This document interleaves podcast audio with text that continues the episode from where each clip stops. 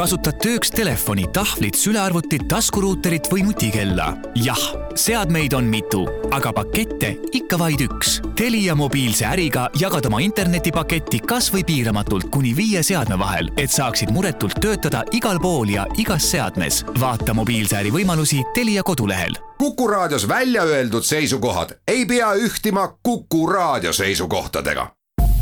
Te kuulate Kuku raadiot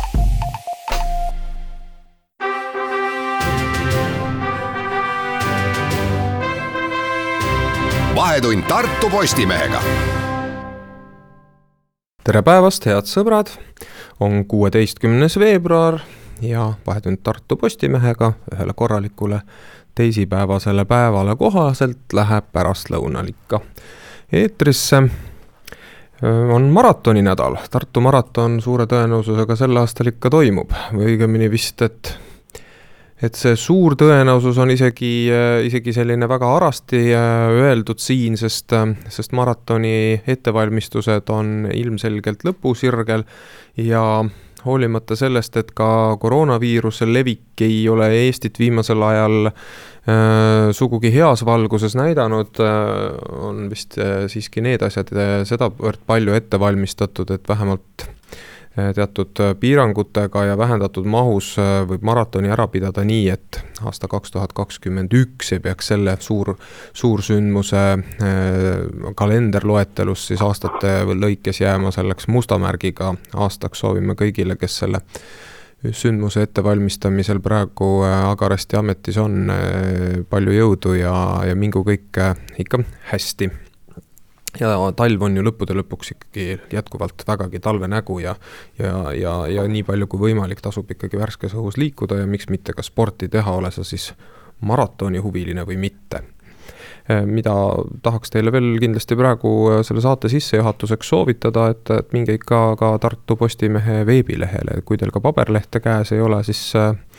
siis on see võimalus äh, seal teie jaoks igati äh, olemas ja, ja avatud, et saate ka paberlehes ilmunud äh, teemakäsitlusi lugeda, noh, minu pärast vaadake seda, mida, mida ütlevad kogenud Tartu taksojuhid nende tegelaste kohta, kes Facebooki platvormi kaudu siis sõidujagamisteenust pakuvad, öeldes, et nad ise ei ole taksojuhid, vaid, vaid lihtsalt Äh, nii-öelda sõbramehed, kes, ähm, kes äh, väikese tasu eest äh, transporti pakuvad. noh, aga miks mitte lugeda ka seda, mismoodi aasta looduskaitsjaks tituleeritud tartlane Ott Luuk on, on, on käsitlenud seda, kuidas tänapäeva inimesed saavad hakkama loodusega, mismoodi sellest, selle pakutavaid hüvesid tarvitavad. Ja minu arvates päris, päris tabava võrdluse on äh, ta seal intervjuus äh, meie ajakirjanikule Janno Sõõbinile välja toonud, et me mitte lihtsalt ei võta praegusel ajal äh, looduselt ja keskkonnalt laenu, vaid võtame kiirlaenu ja siin on mõtlemise ainest küll. aga mõtlemisainest on ka mitmel äh, teisel teemal, mida me tahame siin saateski täna äh, pisut pikemalt käsitleda. selleks olen ma esiotsa palunud oma vestluspartneriks meie arvamustoimetaja Jüri Saare. Jüri on teel, ma tean, kuskilt rannukandist Tartu poole on peatanud auto kinni, on see nii, Jüri, oled sa kuuldel? Äh, läks paremini, jõudsin isegi Tartusse ja vaatan aknast lume,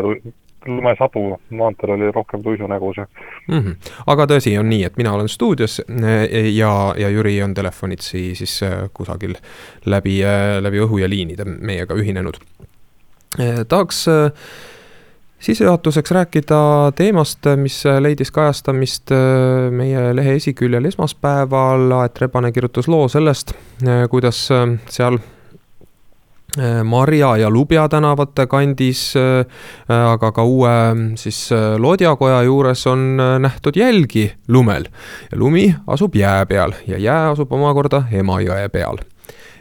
mitmed Eesti äh, meediaväljaanded on kajastanud seda, kuidas tartlased tikuvad ikka äh, ohtlikul ajal äh, jää peale siin Emajõel. Emajõgi teadupärast ju ei, ei külmu sarnaselt sellistele veekogudele, nagu seda on väiksemad tiigid või järved, kus vesi väga ei liigu, jõgi on ikkagi jõgi ja see tähendab alati igal aastal kui külma teeb, ikkagi ka võimalust, et keegi võib hukka saada või, või vähemasti eluohtu seada endale. aga me tahtsime selle teemaga seoses vaadata rohkem siis noh, otsida neid puid metsa taga või metsa puude taga, vahet ei ole, kuidapidi võtta. ehk siis mida meile räägivad sisse käidud rajad just nendes minu poolt märgitud kohtades, ehk siis täpsemalt Marja ja Lubja tänava piirkonnas see räägib meile seda, et sinna kunagi kavandatud sild oleks igati omal kohal. Jüri, nüüd ma pöördun sinu poole, sinu äh, ajalooline mälu äh, selle sillamajanduse asjus äh, on kindlasti väga hea ehm, heida pisut valgust sellesse, mis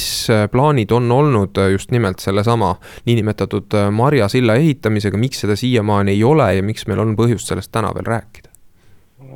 Ei kiidaks oma mälu üle, ülemäära, aga, aga üht-teist, üht-teist jõudsin meenutada aastanumbrite viisi, et mis, mis, mis, millest on räägitud ja millest on kirjutatud ja milli-, milliseid plaane on seatud ja ja tagurpidi tagasi minnes on, on tõesti, tõesti tehtud sellele Maarja sillale ka arhitektuurivõistlus aastal kaks tuhat kaheksateist vist, kui ma nüüd peast õige aastanumbri ütlen ja sinna see jäi äh, erinevatel põhjustel, kõige suurem põhjus ilmselgelt see, et nagu ikka Tartul äh, parasjagu raha ei leidunud, mida saaks sinna panna ja, ja ilmselt ei ole ka ühtki toetusmeedet, mis aitaks seda, seda silda äh, siis selle koha peale ehitada. See problemaatika on võib-olla mõneti laiem, et äh, on arutatud ka selle üle, et äh, kui suur selle silla kasutegur ikkagi tegelikkuses on, kui mõtelda, et mõlemad sillale toovad, sillalt viivad, jõega ristuvad tänavad lõpevad siis otsast trepiga, mille, mille noh, ka ratturitele ja, ja, ja ütleme siis ratastel liikujatele mugavamaks tegemine võib-olla ei olegi väga lihtne ülesanne. aga sealt saab ja ühesõnaga see silla, silla, silla, silla kavatsus ongi selle koha peal stoppama jäänud, et arhitektuurivõistluse võidutööst ei ole projektlahenduseni jõutud ja noh, seetõttu on ka keeruline vastata täpselt küsimusele, et mis oleks see rahanumber, mida silla jaoks on tarvis, need on, on kõlanud küll kolm miljonit ja kaks pool miljonit ja ja miljon eurot, aga, aga seda me ei teagi. aastaid varem on olnud juttu sellest, et selles samas paigas võiks olla üles seatud sild, mida siis natuke pikema mäluga tartlased mäletavad kui Raudsilda, mis asus praeguse Vabadussilla koha peal ja mis võeti sealt maha aastal kaks tuhat seitse. jah, ja mille järel see sild seisis tükk aega täpselt kümme aastat. jah, Supilinnas ja ootas, ootas seda hetke ja otsust, et kas panna või mitte panna, seal oli probleemiks, et, et Raudsild oli natuke kitsama jõe koha peale äh, ehitatud ja püsti pandud, kui, kui siis Marja tänava sihis jõe laius on ja, ja teine mure oli see, et äh, ka kallaste kõrgus on erinev, et äh, sillale pealepääsemiseks oleks tulnud suhteliselt järsud teed teha ja see asi läks lõpuks kraavi selle koha peal, kui leiti, et tegelikult on ikkagi lihtsam teha uus sild ja, ja see vana, vana sild, vana raudsild siis läks lihtsalt äh, metalli kokkuostu. nii oli ja..., teeme väikese pausi, Jüri, ja siis jätkame samal teemal.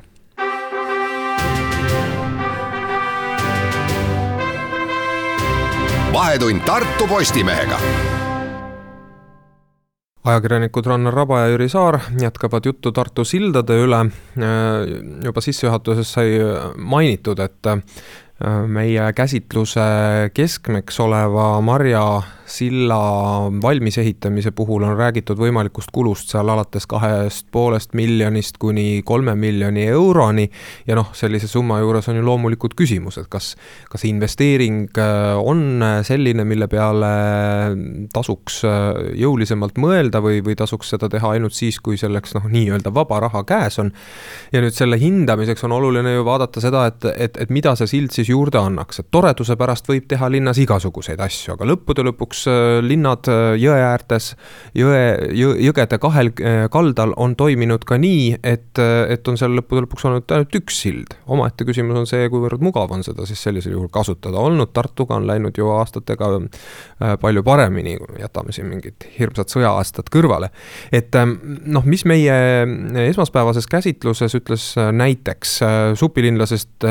IT-spetsialist Mihkel Truup meie reporterile Aet Rebasele, et tema on vaadanud, et kui tema oma igapäevased siis tööpäeviti lapsega üle jõel ära käib, oma argised käigud, siis,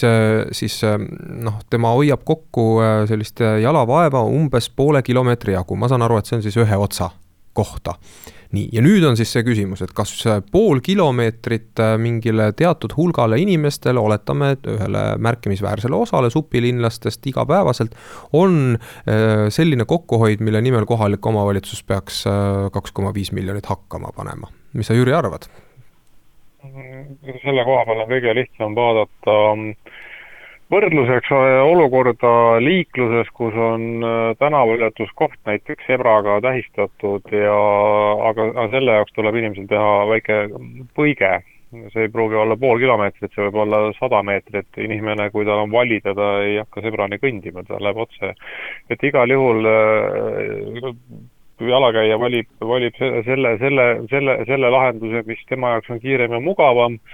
ja tegelikult me teame Tartu äh, lähiminevikust küllalt näiteid, kus, äh, kus äh, jõeületusvõimaluse loomine on muutnud väga paljude inimeste käitumis- ja liikumisloogikaid, alates Turusillast, mis sisuliselt ühendas ju bussijaama ja turupiirkonna üle jõega, vara, varasem võimalus kulgeda oli üle Võidu silla ja see teekond oli päris pikk ja käänuline, kes, kes veel mäletab või siis teine, teine, teine, teine selline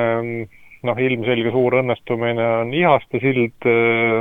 no milleta praegu on juba keeruline Tartu liiklust ette kujutada, aga see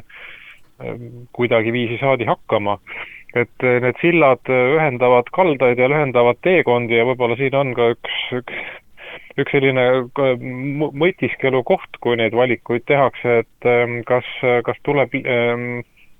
eelistada olemasolevate liikumisvõimaluste lihvimist ja paremaks tegemist, noh näiteks Vanemuise tänav,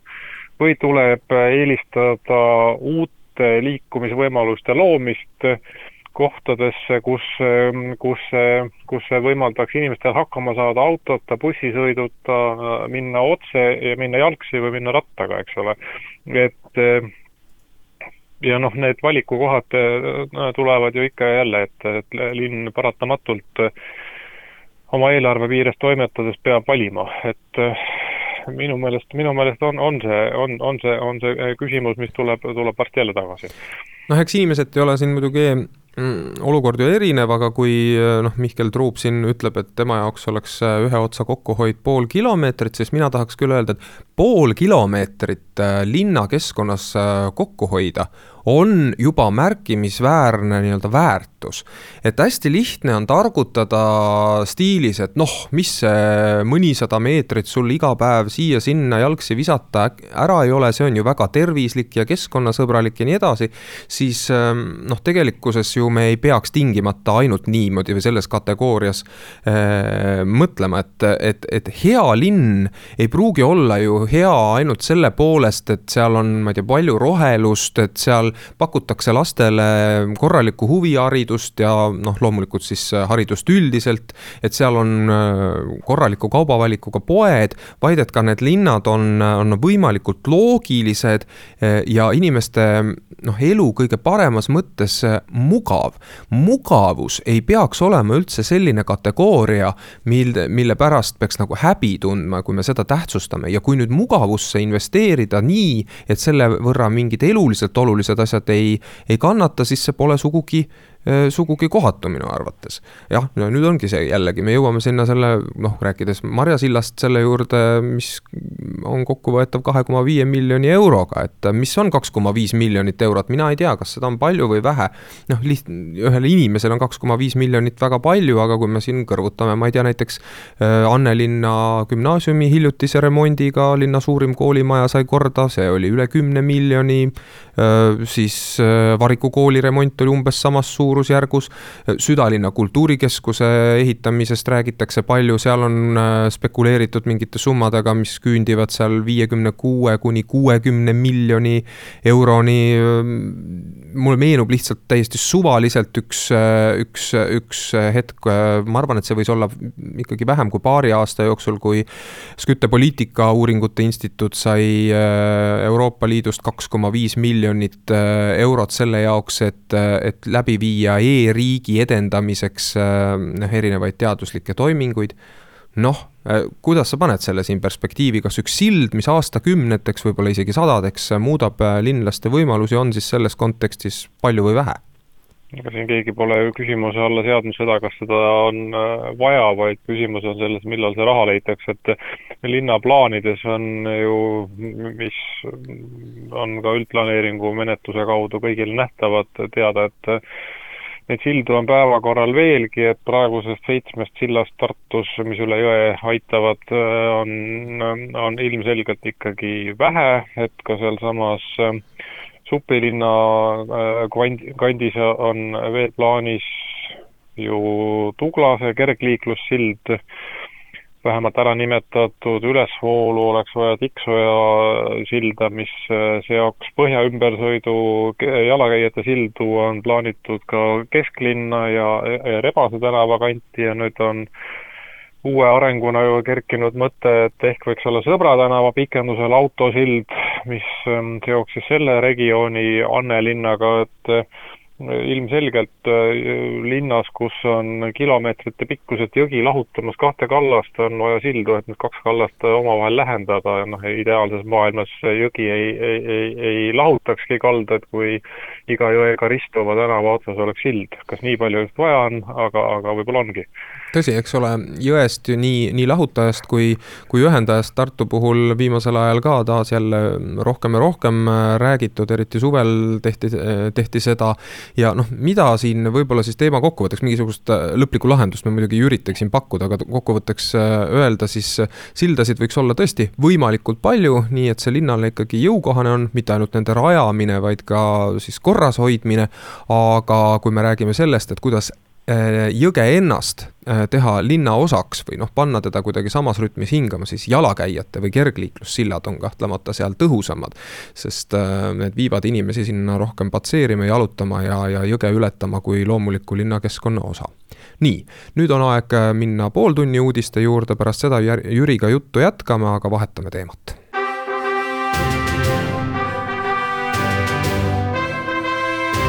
vahetund Tartu Postimehega saade jätkub, Jüri Saarling, Rannar Raba, võtmas ette nüüd teist teemat. see on selline teema, mille puhul me esiotsa toimetuses üldse pidime kaaluma, kas, kas sellest avalikult äh, juttu teha, kas, kas seda juhtumit äh, võimendama hakata või siis äh, lihtsalt jääda kuidagi omakeskis hinnangute juurde, täpsemalt siis käib jutt Tartu linnavolikogu keskkonnakomisjonis EKRE erakonda esindavast Heino Harjust, kes ühe Postimehes ilmunud uudise juures, kus siis tuli juttu sellest, et kuidas elektri hinna tõusu võiks ohjeldada Eestis. muuhulgas äh, tarvitas äh, siis ähm, ütleme siis kõige laiemas mõttes rohelisi sarjates äh, selliseid väljendeid nagu, et neid tuleks masspuua ja et CO2 kvooti, et võiks ka vabalt ahju ajada, et ähm, noh miks me siin üldse arutasime selle üle, et kas, kas sellisest juhtumist peaks avalikult no, veel kord rääkima, kas sellest eraldi uudisloo kirjutama, oligi siis see meie enda alalhoiu tapjainstinkt selles mõttes, et, et, et ei ole üldse kahtlust meie toimetuse hinnangul, et see, mida Heino Harju kirja pani selle loo kommentaariumisse, need kommentaarid kustusid sealt üsna ruttu moderaatori käe, käe toimel ära. et siis, et on nagu ilmselge, et need kommentaarid olid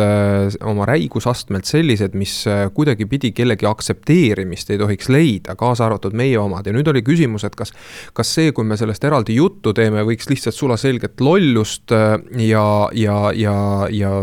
noh, viimasel ajal tarvitatud sõna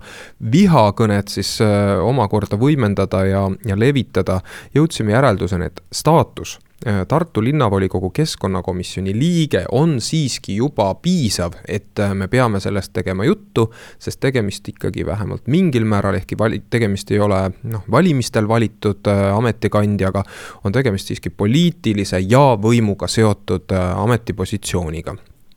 nüüd mida siis äh, siin selle üle arutada võiks, et kas kusagil on sarnaste väljaütlemiste puhul üldse piirid, kust maalt inimesed võiksid lihtsalt käega lüüa ja öelda, et ah, las ta siis olla, et äh, inimene ise on rumal ja, ja ei saa aru, kus on viisakuse ja, ja käitumisnormide piirid, et Jüri, mis, mis sinu arvamus siinkohal on, et kas Heino Harju on selles rollis esinenud pigem poliitikuna või mitte? Eino Harju vist tegelikult enda jaoks ei ole esinenud mitte poliitikuna, vaid ta on pigem nagu amet, äh, töötades ise Fortumis äh, ja olles Jüri, ma palun sul natuke oma telefoni nii-öelda raputada või kõndida ruumis äh, teise kohta, sest su levi on läinud väga lünklikuks, et senikaua, kuni sa ennast äh, liigutad, siis mina tahan öö, äh, oma seisukoha selle koha pealt küll öelda, et, et siin selles, selles rollis, kus Heino Harju sõna võttis valdkonna asjatundjana ja teades, et ta on samal ajal Tartu linnavolikogu keskkonnakomisjoni liige ja ühe erakonna esindaja sealjuures, on ikkagi vähemalt mingil määral avaliku elu tegelane ja see, mida ta ütles, ei ole klassifitseeritud viitab lihtsalt äh, sulaselgeks rumaluseks. nii, Jüri, aga sinu mõte jäi pooleli? Äh, nüüd ei tea ma, äh, kust maalt ma ennast kordan, aga ega ta siis selles postituses või kommentaariumi postituses juurde märkinud seda positsiooni volikogu komisjonis, vaid seal ta oli lihtsalt üks lehelugeja, kes kommentaari pani, aga, aga, aga lihtsalt äh, see isik, isik on, isik on äh, niivõrd-kuivõrd ju teada ja, ja ilmselgelt äh, on võimalik poliitilist või sellist avalikku ametikohta täitva inimese puhul seostada kõiki tema mõtteid ka, ka siis tema tööga või selle, selle avaliku tegevusega ja selles mõttes on see ikkagi äh, taunimisväärne, ennist üritasin öelda ka seda, et, et ilmselgelt on ületatud selle kommentaari puhul või selle lausestuse puhul see taluvuspiir, mis keskmisel inimesel on, et see ei ole võrreldav, et ma löön su maha, kui sa sellist nalja teed, et et eesti, eesti keel on rikas ju ka selliste vägivaldsete kujundlike sõnakasutustega, aga noh, see, see pole, see pole vist päris seesama. no põhiküsimus on selles ju, et kas äh, need kommentaarid väärisid äh, lihtsalt kustutamist ja hukkamõistu või peab sellele nüüd järgnema ka mõni äh, kangemat kraadi äh, liigutus, ehk siis näiteks see, et Heino Harjut sunnitakse linnavolikogu keskkonnakomisjonist lahkuma? Mm, noh, siin me võime tõmmata selliseid hästi meelevaldseid paralleele küsimusi esitada niimoodi, et kas äh, kas Heino Harju äh, selline, ähm, ähm, selline seisukoht kirja panduna oli hullem äh, näiteks lugupeetud reformierakondlastest äh, riigikogulaste ähm, e-, ettepanekust küsida, kas Eestil oleks parem kuuluda Venemaa koosseisu? no hea küll, et ühel juhul on küsimus poliitilises valikus ja teisel juhul on siis justkui Äh, kellegi tapmisele üleskutsumises, et selles mõttes need asjad ei ole ehk kvalifitseeritavad, aga et äh, kas, kas me võtame neid avaldusi nagu selliselt, et jah, et, et see, see on kavatsus või see on lihtsalt äh, loll ehk rumal sõnakasutus. see oli kindlasti rumal sõnakasutus, vaevalt nüüd Heino Harju tegelikult äh, arvaks, et, et rohelisi, keda iganes ta täpsemalt nüüd siin silmas peab, peaks kuidagi hakkama masspooma või, või kedagi ahju ajama. aga, aga aru saama peab inimene igal juhul ju sellest, sõltumata sellest, mis positsioonil ta parasjagu on seda lugu kirjutades või tähendab, mis ametit ta justkui esindab või on lihtsalt eraisik. ta peab aru saama, kus on kultuuriline kontekst, äh, milline sõim on lihtsalt sõim ja milline sõim on selline sõim, mida isegi sõimuna ei aktsepteerita ja ei saa aktsepteerida. Just nimelt ja siin on veel üks küsimus, kui ta näiteks, no tänapäeval kõikvõimalik vägivald on üldiselt taunitav ja, ja, ja ka esimesi triibulisi ei, ei tohi enam saada, sellepärast et see, selle eest karistatakse triibuliste andjat, et kui ta näiteks oleks kirja pannud, et neid rohelisi tuleks mõisatallis nüpeldada, et kas see oleks olnud talutavam, sama halb noh, et äh, põhimõtteliselt on ikkagi küsimus ju selles, et kui inimene on avaliku, avalikku rolli täitmas, äh, komisjoni liige kahtlemata ju on, sest ta ometi on sinna natuke segasel viisil küll sattunud äh, esindama. volikogu komisjon annab volikogu eelnõudele ja volikogus algatatud küsimustele seisukohti, selles mõttes on ta ikkagi ju ühiskonnast kõneleja seal.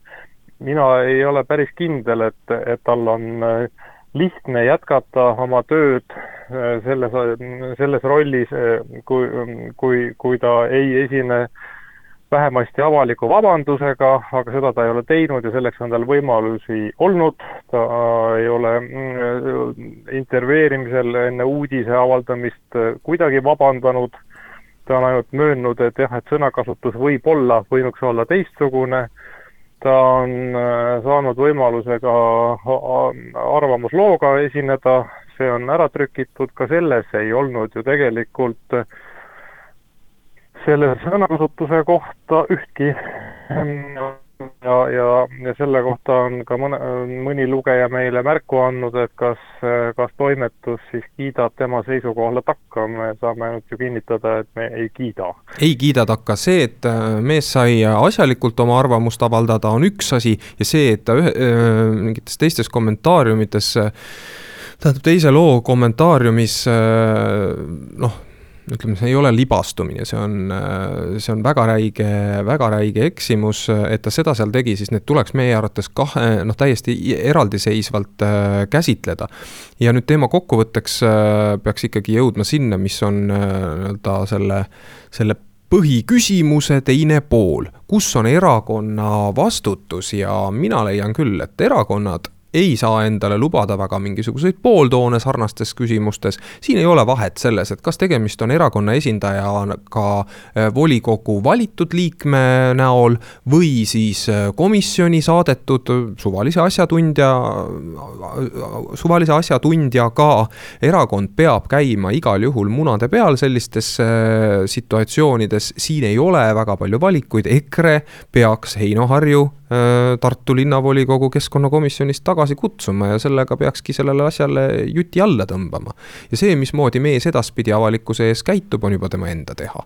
vabandus EKRE... oleks loomulikult asjakohane. EKRE muidugi Tartus selles mõttes äh, huvitavas olukorras, et äh, EKRE volikogu fraktsioon ja EKRE piirkonna, ringkonna juhatus suures osas ei kattu ja ringkonna esimees Merle Kivest ütles, et ta tegelikult ei taju neid hoobasid, kuidas tema saaks tagasi kutsuda, et seda peaksid siis justkui EKRE valitud volinikud omakeskis arutama ja leid-, leidma siis sündsa lahenduse. et aga saame näha, erakond otsustab. nii on. nüüd paus ja pärast seda ühineb meiega Lisette Reineberg, Tartu Postimehe ajakirjanik samuti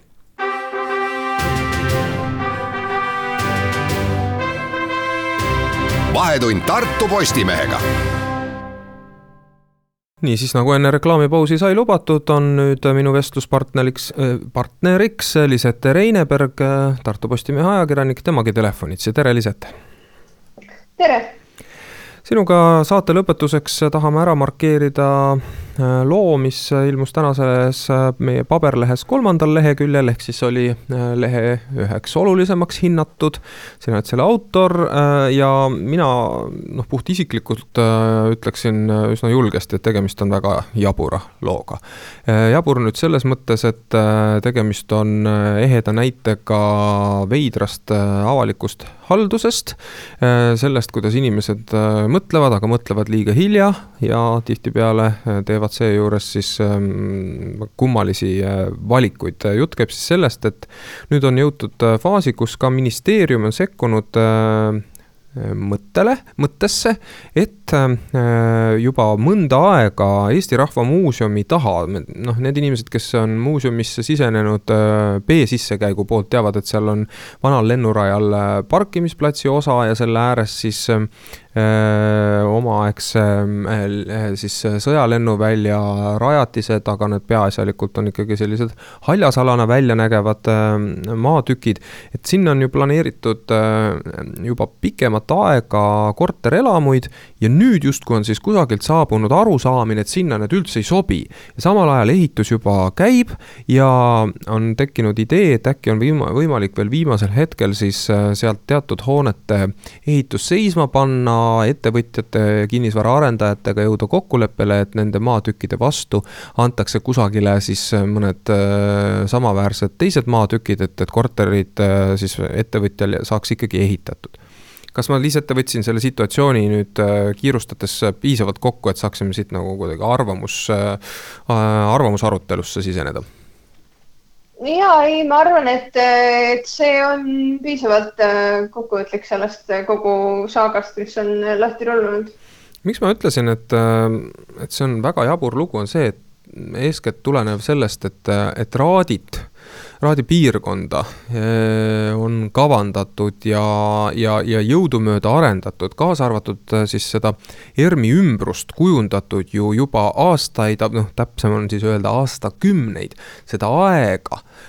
arutada ja mõelda, milline peaks olema Eesti Rahva Muuseumi vahetu ümbrus, nii et selle arhitektuurne lahendus ja siin me räägime nii arhitektuursest lahendusest hoone kui seda ümbritseva maastiku mõttes, et, et see oleks äh, toimiv ja vastaks sellele, mida omal ajal suure hoone arhitektid äh, kõige, kõige nii-öelda paremates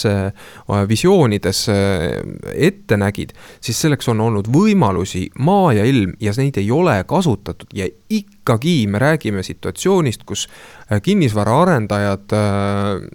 kusjuures täiesti ebaõiglaselt on tehtud justkui siis nendeks, äh, kes praegu tulevad mingit väärtust lõhkuma. ma ei saa sellest aru, miks on läinud nii. kas sina, Lisette, saad sellest aru? no ma tegelikult, ma sada protsenti ei ole sellesse minevikku süübinud, aga mina saan aru, et tegelikult kui ERM-i loodi, siis ei olnud eesmärk see, et seal oleksid äh, sellised, ma ei tea, korterelamud ümber, mis on nagu ühelt poolt ka arusaadav, aga siis võib-olla oleks tulnud juba siis äh, juba aastakümneid tagasi mõelda sellele, et tehagi siis, ma ei tea, ehituskeelutsoon täitsa ERM-i ümber või, või siis ma ei tea, ka laiemalt mõelda, et millised on need Eesti maamärgid, kuhu ümber ei tohiks äh, enam arendusi ehitada või või, või mida iganes, et, et see on jah selline, et arendajad paneb äh, päris halba seisukohta, et kui eile tegelikult selgus ka, et seal äh, ERMi ääres juba Merko ehitab päris lennuraja ääres hakkab ehitama kohe-kohe korterelamut, et siis tekib küsimus, et mis nüüd päriselt saab. seda kummalisem see lugu on. et jah, et ega ühte maja ju teise kohta tõsta nii lihtsalt ei saa, et kui seal seal on kaks arendust, on seal lennuraja ääres täitsa, et kui üks on veel detailplaneeringu menetluse faasis ja seal veel saaks ju midagi teha ühelt poolt, siis teine ju on tegelikult ehitamisjärgus, et, et üks maja on juba püsti küll lennurajast kaugemal ja ootab siis äh, täitsa viimistlemist, aga, aga teised on veel püstitamata, aga siiski noh, selline, et ähm, arendajatel on kindlasti ka väga keeruline, et mida me nüüd siis teeme, et kui on ju plaan on tehtud ja noh, mingid kulutused on ju ka, et et see ei ole kindlasti nii lihtne lihtsalt teise kohta kolida oma arendustööd. kindlasti peab ju rõhutama seda, et see, et äh, ERM-i ümbrus ehk siis see omaaegne sõjalennuväli äh, tärkab uuele elule, et seal, äh, et inimesed sinna kolivad, et seal saavad olema uued kodud, et seal saavad olema ka lisaks muuseumile veel mitmesugused avalikud teenused, olgu minu pärast ka hooldekodu, mida sinna on planeeritud ja, ja mingid, minu pärast mida iganes me, me, me noh, samastame linnalise keskkonnaga, aga sellise mõnusa linnalise keskkonnaga, aga seda kõike on sinna väga vaja ja selles põhimõtteliselt ei ole mitte midagi valesti. aga jutt käib ju meil praegu ikkagi sellest, et sisuliselt minnakse kahjustama ühte hoonet ja hoone selles kontekstis seal ja see on üsna erandlik objekt kogu Eesti mõistes. ei piirdu ainult siis hoonega, mis on, mis algab vundamendist ja seintest ja selle, ma ei tea, vahetust ümbrusest paari meetri raadiuses, vaid me räägime ka omaaegsest äh, betooni valatud suurest lennuraja osast, äh, mis äh, siis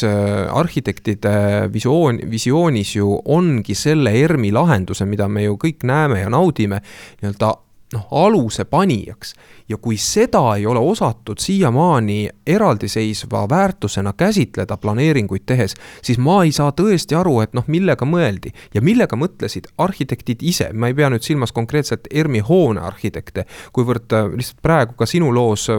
on ju siis initsiatiivi võtnud äh, Eesti ähm, Arhitektide Liit, kus oli see organisatsioon või, või, või, või, või noh, üldse sellised ähm, noh, ühiskondlikult mõtlevad arhitektid varem kus oli kohalik omavalitsus, me peame seal arvestama, et tegemist on väga keerulise piirkonnaga, kus on palju kinnistuid erinevat omandit, eh, aga et keegi peab ju seda tervikut eh, nägema. Ja selleks ongi kohalik omavalitsus, ehk siis Tartu vald ellu kutsutud, et näha tervikut ja tüürida asjade käiku nii, et keegi ei saaks kahjustada, kaasa arvatud miski ei saaks kahjustada, ehk siis selle ERMi arhitektuuriline väärtus. ja ja, ja no lõppude lõpuks noh, vot jah, ettevõtjatele ei taha nüüd küll midagi siin ette heita, kui neile on pakutud võimalus hoonestada äh, vahetult äh, ERMi B-parkla ääres äh, äärseid maatükke, ehk siis luua väga magusasse kohta elupindasid, siis maaettevõtjana teeks ja kui mul selleks võimalus oleks, ma teeks seda ka. ja tegelikult ju seal teisel pool lennu, lennurada on juba korterid äh, kerkimas äh, veel ja inimesed elavad juba sees ja ma saan aga nad aru, ei ole lennuraja nende... ääres, need on kaks täiesti erinevat ja, teemat. Neile on jäetud puhver siis vahele, aga, aga selles suhtes, et tundub, et inimestele tõesti see piirkond meeldib, sinna korterid ostetakse ja juba ka Merko kortereid, mis veel ei ole ju isegi valmis, et neid on juba ostetud ka, et, et selles suhtes, et inimestele see ERMi lähedus, ma arvan, meeldib, aga noh seal tulekski vaadata, et, et kas me tahame, et seal ümbruses oleks nii palju kortermaju ja, ja ERMi B-parklas ju toimuvad ka igasugused üritused, et kuivõrd hea elukeskkond see on, et see on kindlasti ka küsimärgi all. Ja meie saateaeg on kahjuks otsa saanud, võtame siis selle kokku nii, et, et siin ei olegi midagi praegu kokku võtta peale selle, et, et situatsioon peaks leidma mingisugusegi äh, lahenduse, aga seda küll praegu kusagilt ei paista ERMi äh, ümbrusesse ehitatagu pealegi, aga vaadatagu, et väärtused ei saaks kahjustatud. kas selleks on veel mingisuguseid mõistuspäraseid lahendusi, mina ei kujuta ette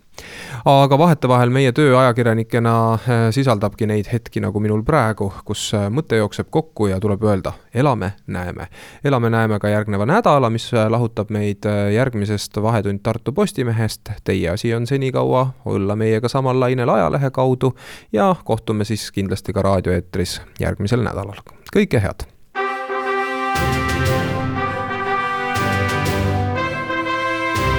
Vahetund Tartu Postimehega